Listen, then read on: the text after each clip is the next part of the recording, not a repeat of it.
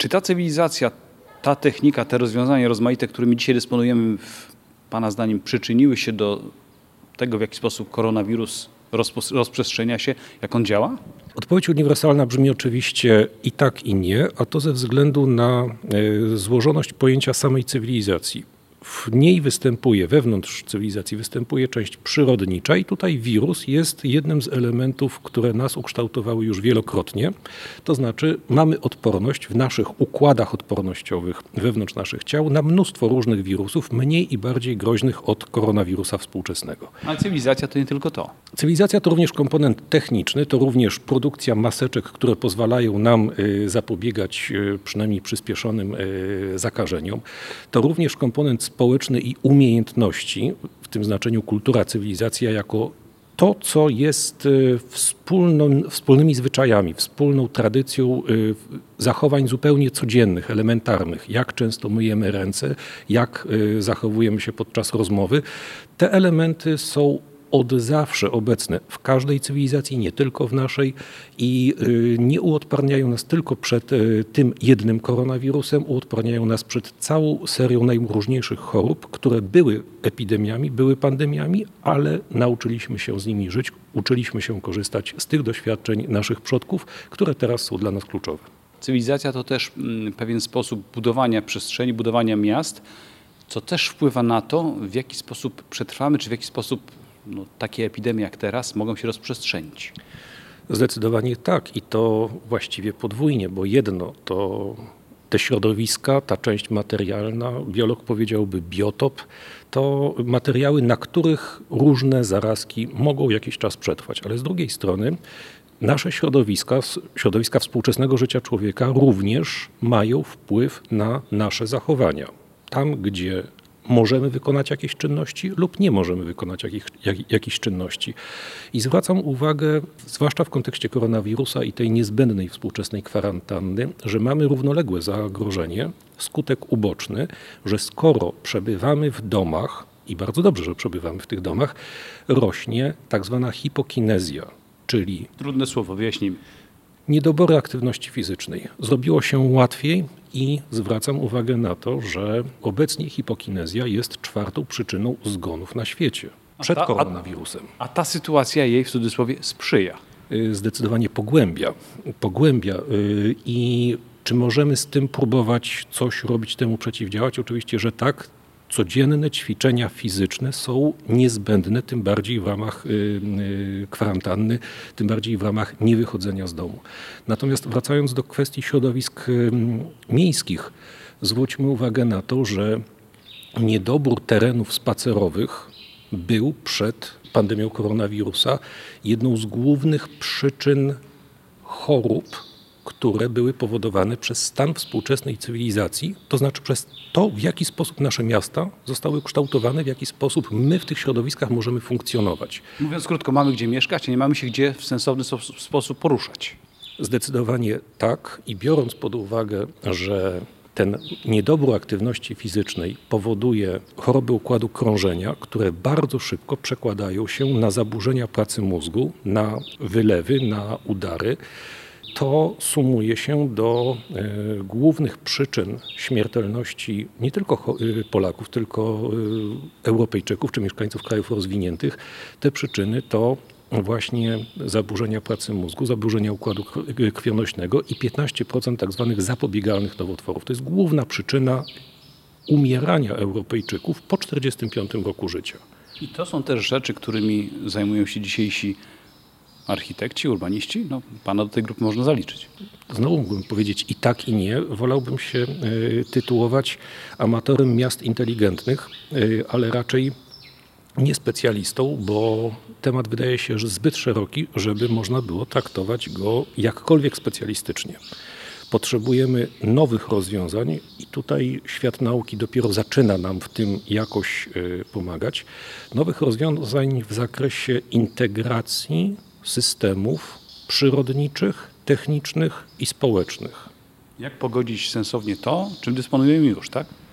Zdecydowanie tak. Nie chodzi o odkrywanie wielkich rzeczy nowych i budowanie miast od początku, tylko przede wszystkim o umiejętność przyjrzenia się, ile razy Współczesna cywilizacja każdego z miast europejskich i jako całość zdążyła się już nauczyć czegoś z własnej historii, na ile okazała się adaptywna do katastrof, jakie nawiedzały Europę już wielokrotnie.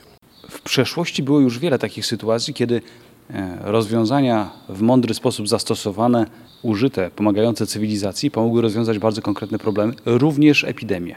Chciałbym przywołać postać fikcyjną, ale za to historyczną doktora Judyma, który zmagał się z problemem e, epidemii tyfusu, cholery, innych chorób zakaźnych, brudnej wody, brudnych rąk. Proszę zwrócić uwagę, że był to problem społeczny, literacki, ale lekarze, którzy umieli zdiagnozować te, e, te choroby w pojedynczych przypadkach, byli e, bezradni, jeśli chodzi o ich zapobieganie. Zresztą wydawało się wtedy w ogóle, że to jest rzecz nie do rozwiązania, albo w każdym razie bardzo trudna i nie szybko była nie do rozwiązania w narzędziami medycznymi.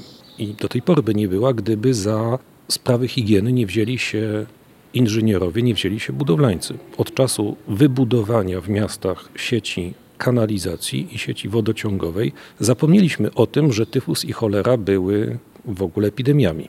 I to jest ten wielki sukces inżynierii miejskiej, który rozwiązał problem medyczny w sposób jednorazowy, radykalny, można powiedzieć ostateczny. Chce pan powiedzieć, że tutaj w tym przypadku o dziwo, no to nie jest wcale dziwne, ale o dziwo jednak, to nie medycyna może pomóc rozwiązać medyczne problemy. Medycyna powinna być dla inżynierów na pewno źródłem wiedzy. Inspiracją. I na bieżąco weryfikować, czy inżynierowie uprawiając swoją specjalizację, nie powodują innych problemów, również medycznych. Czyli nie wywołują ich też przy okazji. Weźmy na przykład klimatyzację. Świeże powietrze, wiadomo, że zapobiega e, rozwijaniu się najróżniejszych mikroorganizmów. Natomiast jeżeli chcemy tworzyć latem warunki komfortowe pod względem termicznym i wilgotnościowym, mamy do dyspozycji klimatyzatory, które mogą być z jednej strony źródłem rozprzestrzeniania się zarodników grzybów. Tak, co jakiś czas powinniśmy czyścić klimatyzację. To nie jest urządzenie doskonałe, ono też wymaga troski, też wymaga opieki. Natomiast mieliśmy rozwiązanych ileś problemów związanych z komfortem, mogły powstać rozwiązania niebezpieczne ze względu właśnie na te grzyby. Technika poszła troszkę bardziej do przodu i teraz wiemy, że w samochodach klimatyzację co jakiś czas dezynfekujemy. I w budynkach zresztą tak samo, żeby chociażby po to, żeby nie pojawiła się legionelloza. Zdecydowanie tak. Czy pojawia się w klimatazatorach, czy pojawia się w wodociągach, to jest y, taka bakteria dosyć mocno przypisana właśnie do inżynierów. Do do tych produktów inżynieryjnych, które, o ile, o ile wiem, legionelloza nie zrobiła takiej kariery w, w ekosystemach naturalnych, jak robił w miejskiej, podobnie zresztą jak szczury. Podobno y, wrocławian zwyk, szczurów było zwykle tyle, co ludzi y, i chyba teraz jest szczurów jednak troszeczkę więcej. Także czy mówimy tutaj o parametrach i wartościach społecznych, przyrodniczych czy ekosystemowych. Kwestia równowagi, tak? Y, szczury roznosiły dżumy. Dawno temu we Wrocławiu była dżuma i chyba epidemia skończyła się na sześciu przypadkach śmiertelnych, z tego co pamiętam. Wrocław był błyskawicznie zamknięty i udało się bardzo szybko tę epidemię zatrzymać. Szczury tego nie rozniosły, nie rozniosły tego inne zwierzęta. Udało się pomimo licznych wątpliwości, pomimo definicji stanu zagrożenia, udało się podejmując środki organizacyjne, techniczne, z uwzględnieniem tych y, y, transmisji przez y, najróżniejsze gatunki zwierząt udało się tę epidemię zatrzymać. I mam wrażenie, że jeśli chodzi o koronawirus, możemy zacząć być optymistami. W jakim względzie?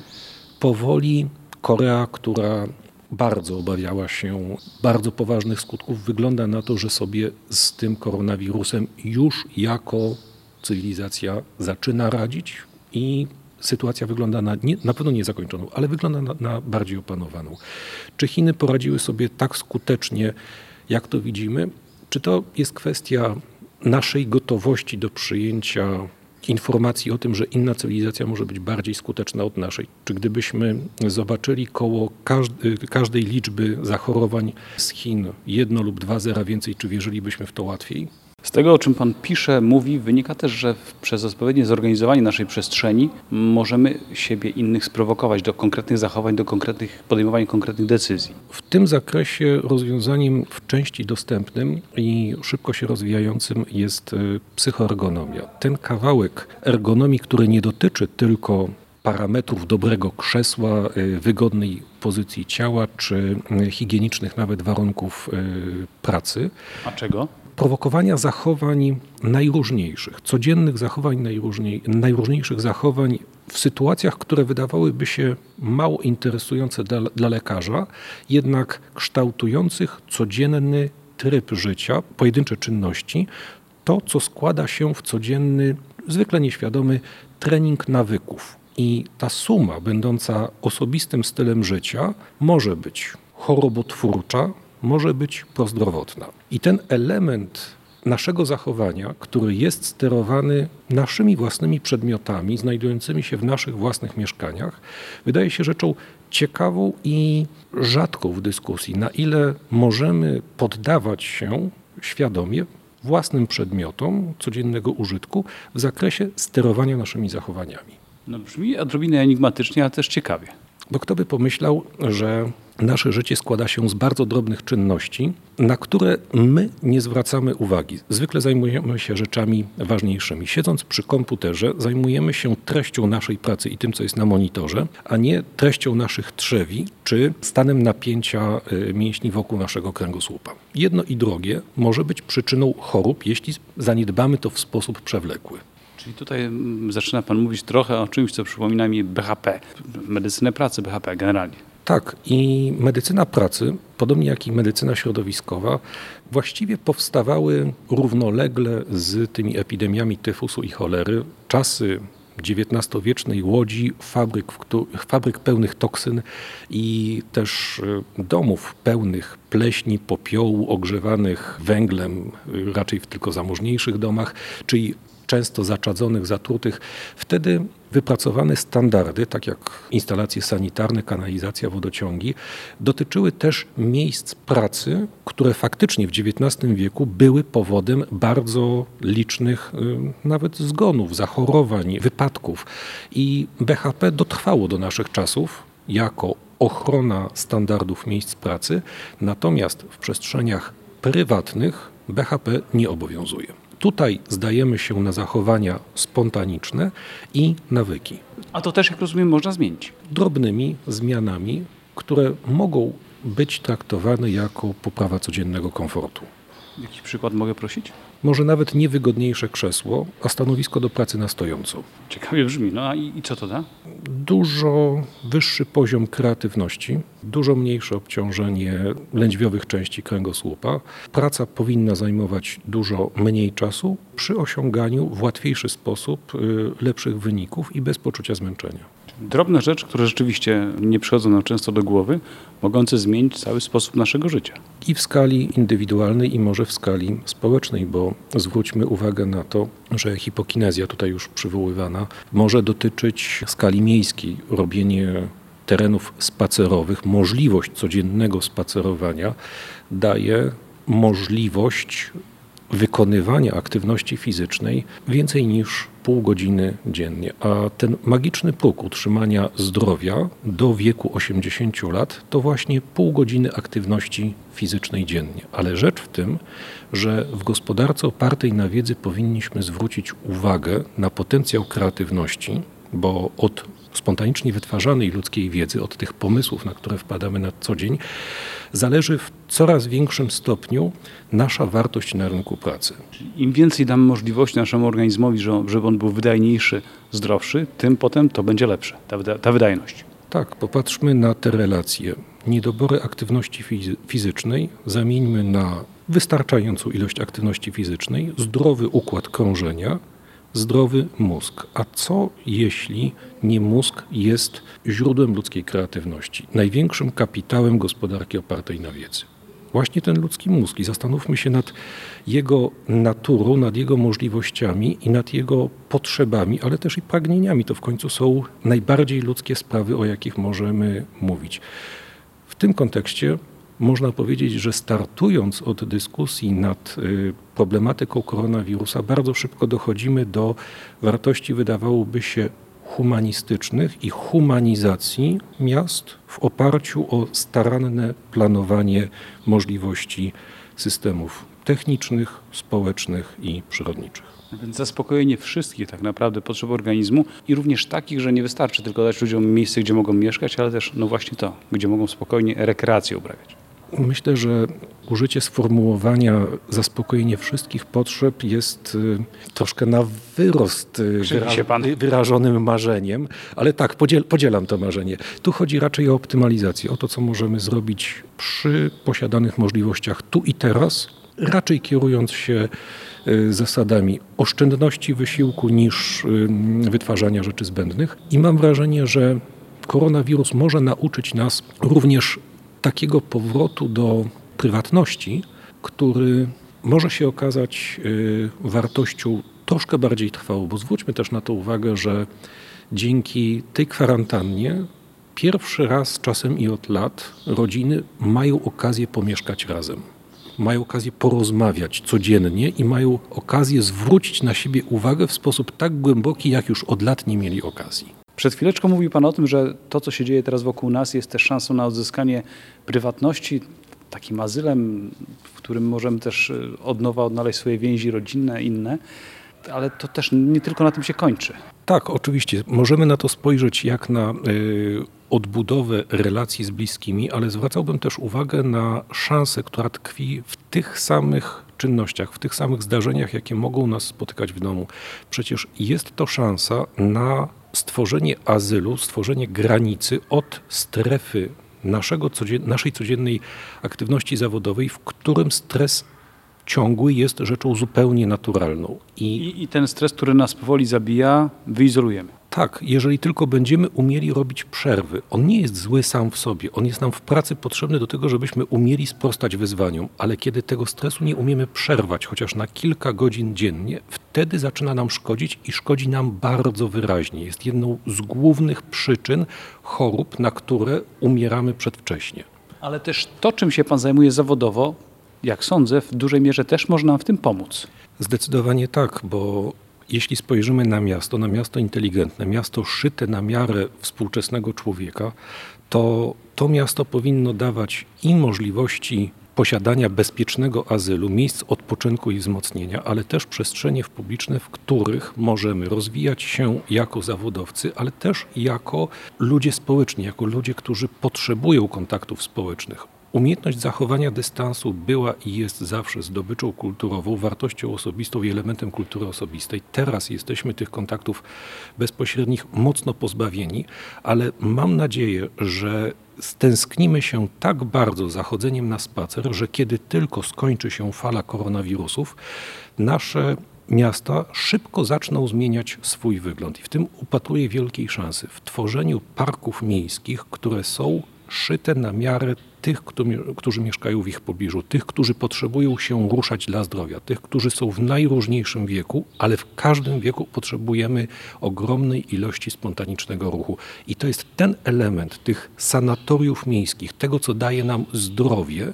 Sanatoriów miejskich, Pan powiedział, co to znaczy? Technologie sanatoriów miejskich to hasło, które wydaje się nowe, ale nie powinno. To jest... Trochę paradoksalne. Tak, ale spójrzmy na to, że wydziały instalacji sanitarnej do tej pory istnieją na uczelniach wyższych. Te instalacje sanitarne to właśnie to sanitas, to jest zdrowie, to nie jest kanalizacja. To jest zapobieganie tym chorobom, którym zapobiegała właśnie budowa tej infrastruktury podziemnej, wodociągów i kanalizacji. Teraz potrzebujemy otwartych, przestronnych przestrzeni, gdzie możemy się ruszać, gdzie każdy z nas ma możliwość wyjścia do przestrzeni publicznej, ruszać się i nie być narażonym na zbyt bliski kontakt z innymi ludźmi. Przecież nawet jak ten wirus przestanie być zagrożeniem, pojawi się cała seria następnych, tak jak pojawia się co roku. Nie musimy w tłoku na siłowniach dusznych i niewietrzonych uprawiać aktywności fizycznej. Możemy to robić w parkach. To jest zdrowsze. To nawet bardziej pobudza te kawałki w mózgu, od których zależy nasza kreatywność, a od tej kreatywności, co też jest elementem współczesnego miasta, zależy nasza produktywność w gospodarce opartej na wiedzy. To się wspaniale sumuje i możemy potraktować te chwile refleksji, jakie teraz mamy troszkę wymuszone, jako wielką szansę przebudowy miast europejskich. No właśnie przebudowy, bo przecież ten, Pan nie ma na myśli parków, które już istnieją, Parku Południowego, Parku Zachodniego i paru innych, tak jak we Wrocławiu, ale jak rozumiem zbudowanie tych przestrzeni zupełnie od nowa, zaprojektowanie czy skrojenie na miarę tych czasów. Potrzeba wielkich inwestycji? Właśnie zupełnie nie. Mamy ogromne rezerwy na te przestrzenie, w których moglibyśmy uprawiać rekreację. Część z nich jest w ten sposób już użytkowana, część nie. Popatrzmy na wrocławskie rzeki, na nie tylko te bulwary, które już są urządzone, ale też to, że mamy przez prawo wymuszoną konieczność przejścia przy każdej wodzie płynącej. To jest obowiązek prawny. Nikt nie może płotu postawić bezpośrednio przy rzece. To znaczy, że wzdłuż rzek mamy trasy spacerowe Naturalne. naturalny wzdłuż rzeki, która zawsze wygląda trochę ładniej niż wtedy, kiedy tej rzeki nie ma. Mamy możliwość zbudowania we Wrocławiu około 100 kilometrów parku liniowego wewnątrz miasta, w obwodnicy rzek Ślęzy i Bystrzycy. Przy samej Ślęzie mieszka około 100 tysięcy wrocławian, którzy raczej nie wiedzą, że nad Ślęzę można by chodzić na spacery. To się powolutku zmienia, ale tam większość terenów jest raczej usłana krzakami, które ze względów na obniżone poczucie bezpieczeństwa nie zachęcają do spacerów. To jest dostępne i to jest bardzo łatwe do zrobienia. I tanie, co będzie istotne po koronawirusie. Zdecydowanie tak. Jeżeli weźmiemy jeszcze pod uwagę to, jakie są skutki po koronawirusie, tego, że mieliśmy obniżoną, wyraźnie obniżoną aktywność fizyczną, to będziemy mieć z kolei falę tych chorób, które są wywoływane tym bezruchem. Będziemy mieć podwyższone statystyki depresji, zawałów, chorób układu krążenia, być może również chorób y, związanych z niedoczynnością mózgu, ale tego rodzaju choroby będziemy mogli bardzo łatwo, nawet bez inwestycji tych w budowanie czegokolwiek, uśmierzać. Przecież nawet media, i tu y, zwracam się nawet do pana redaktora bezpośrednio, mają dużą rolę do odegrania w zachęceniu wrocławian do wychodzenia na spacery na tereny nadrzeczne. Przed chwilą wspomniał Pan o ciekawej, intrygującej koncepcji sanatoriów miejskich i o tym, że nie trzeba wiele, żeby to zaczęło działać z korzyścią dla ludzi, którzy tu mieszkają. Ale przykład jakiś możemy podać, co by to mogło być?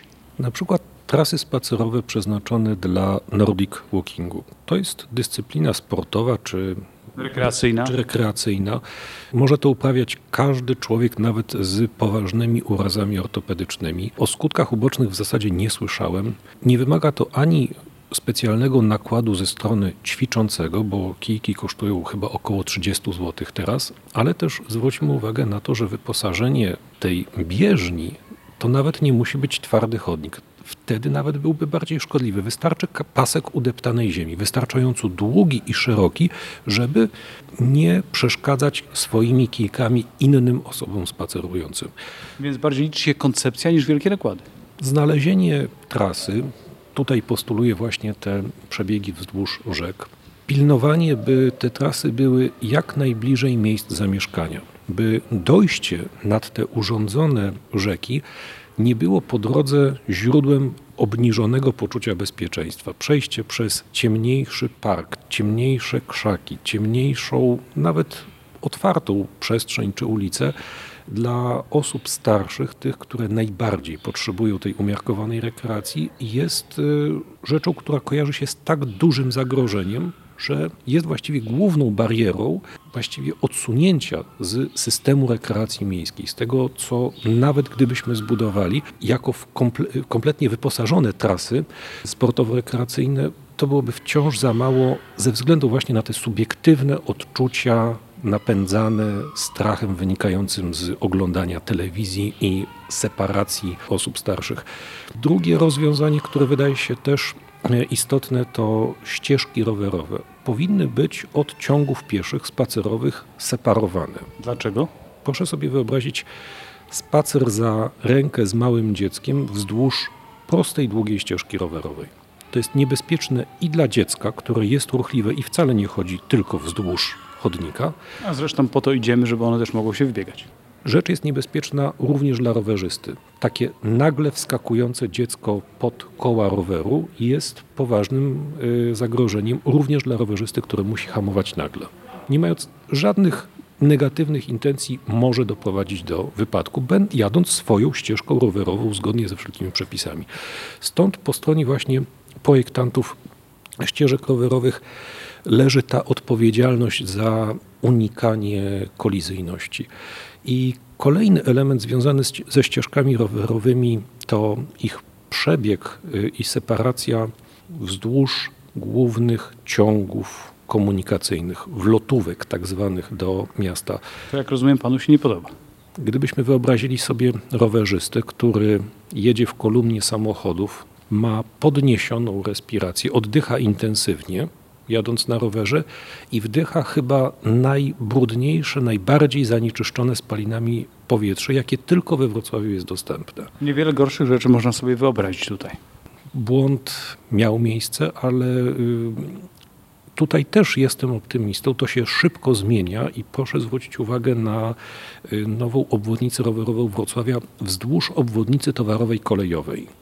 Jest powolutku budowana etapami z, y, w części finansowanymi z projektów obywatelskich i przebiega prostopadle do tych wszystkich tras kołowych wzdłuż linii kolejowej, wzdłuż nasypu, gdzie ruch kolejowy jest niewielki i uciążliwość i spalin i hałasu jest właściwie zerowa. To jest duża nadzieja i widzę cały szereg rzeczy, które się już działy w tym zakresie poprawy rekreacyjności tych technologii y, sanatoriów miejskich, możliwości y, czynności, nawyków prozdrowotnych kształtowanych wewnątrz y, naszego miasta i jestem pełen nadziei, że tego rodzaju pomysły z przeszłości po epidemii ko- koronawirusa spotkają się z bardzo dużym zainteresowaniem i projektantów, i użytkowników, i przede wszystkim mieszkańców. Jak wiele trzeba, żeby tych 100 kilometrów takich ścieżek zbudować, pana zdaniem?